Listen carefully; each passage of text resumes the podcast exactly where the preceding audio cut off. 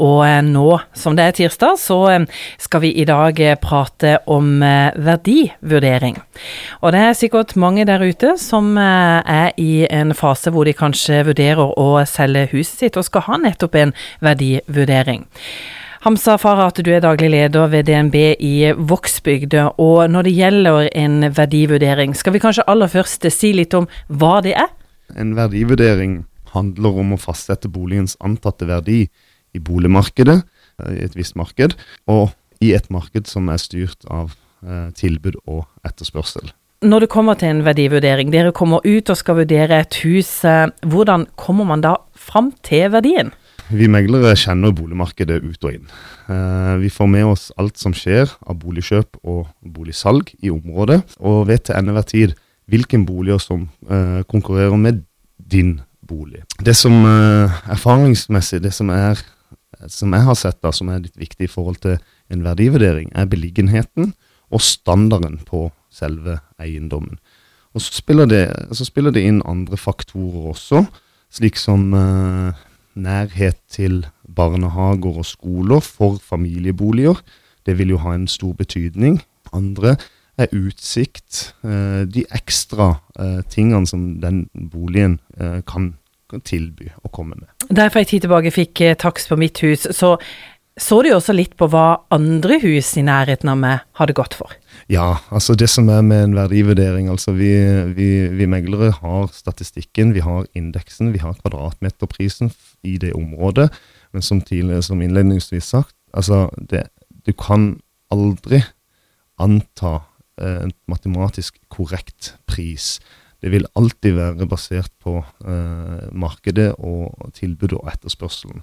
Men det som er viktig for oss å gjøre, det er å sammenligne hus eller eiendommer som ligner mest på det objektet som en skal sette en verdi på. For det gir en indikasjon på hva kan det ligge på.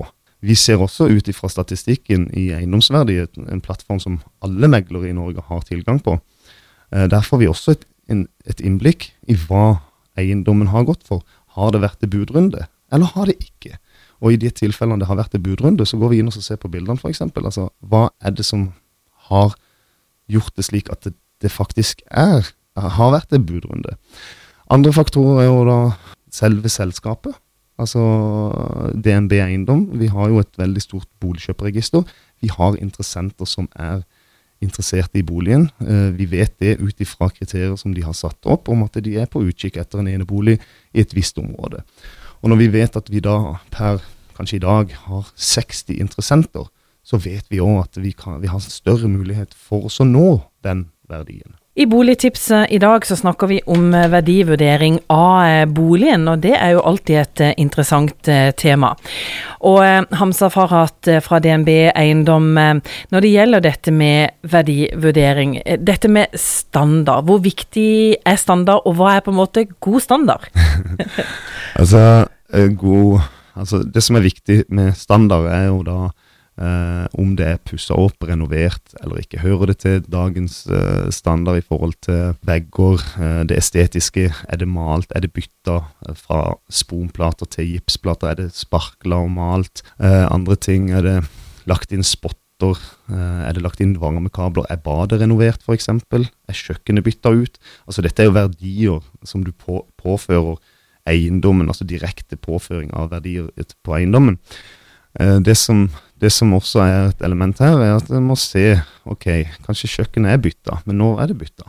Mm. Er det bytta for ti år siden, og en, og en, har brukt 200 000? Ja vel.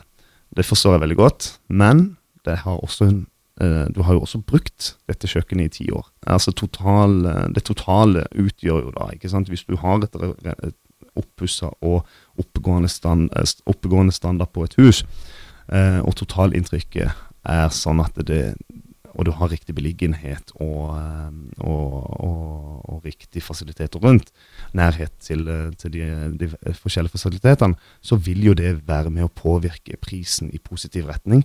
For da treffer du på et større segment av interessenter. Og Det som er viktig i forhold til prising, er at en, skal, en må ha en realistisk forventning. Ja, for det hadde jeg tenkt å spørre deg om. Er det mange på en måte som har uh, urealistiske forventninger? Ja, altså det, det, er litt forskjellig, men, men ja, i, de, i, de fleste tilfellene så, så er det litt urealistiske eh, forventninger til verdien og til hva en kan forvente å få.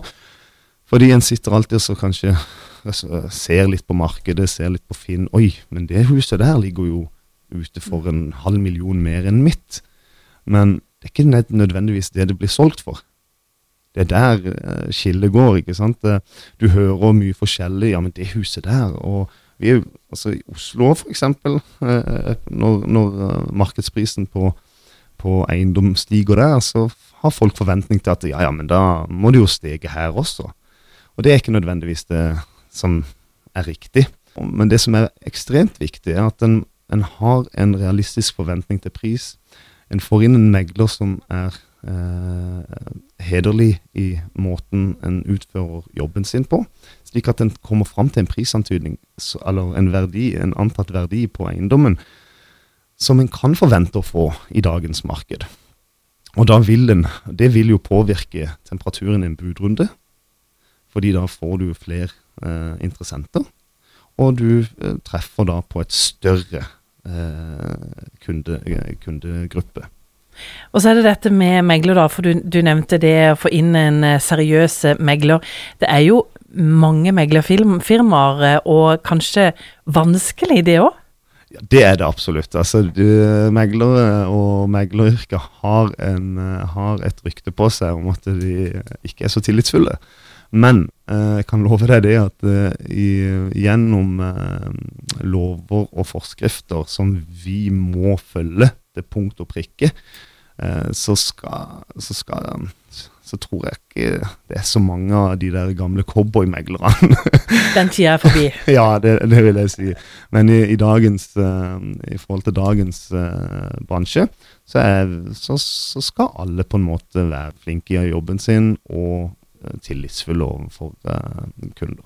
Men er det mange som på en måte tar inn flere meglere når de skal ha en verdivurdering? Det er det. Eh, I, I, noen tilfeller så, så, er det flere meglere inn, innblanda i, i, i, en, verdifastsetning av, av, en eiendom. Og det er ganske mm, greit, det, for å få flere innblikk på ok, hvor ligger det helt riktig hen.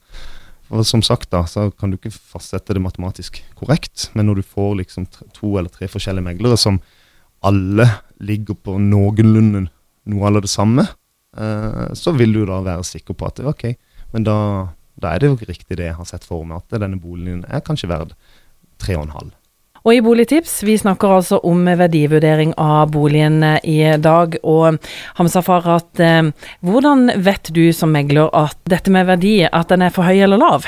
I min mening så, så, så mener jeg det da at hvis en bolig har ligget ute til salgs over lengre tid, er det ofte et tegn på at den har fått en pris markedet ikke er villig til å betale for den. Eh, for det, til syvende og sist er det markedet som egentlig avgjør hva boligen vil få av, av, pris, som er da regulert i forhold til tilbud og etterspørsel. Som regel da har en bolig ligget for lenge, så er det da prisen, altså verdien, som ikke gjenspeiler da standarden og beliggenheten. Og da har du ikke nok interessenter til, som er villige til å betale den summen for uh, den eiendommen. Fordi det hører ikke det hører ikke hjemme. Så er det jo også litt sånn i forhold til når på året en går ut. Det er mange som på en måte tenker at ja, jeg venter heller til jeg får finere bilder av eiendommen. Da vil jeg oppnå verdien på boligen. Men det mange ikke tenker på, er at muligens er det faktisk litt mange å konkurrere med. Du kan aldri også si 100% hva er det som gjør det, men en stor indikasjon på, på en feil eh, prissetting eller feil verdi på en bolig kan være da at uh, en har ligget ute lenge.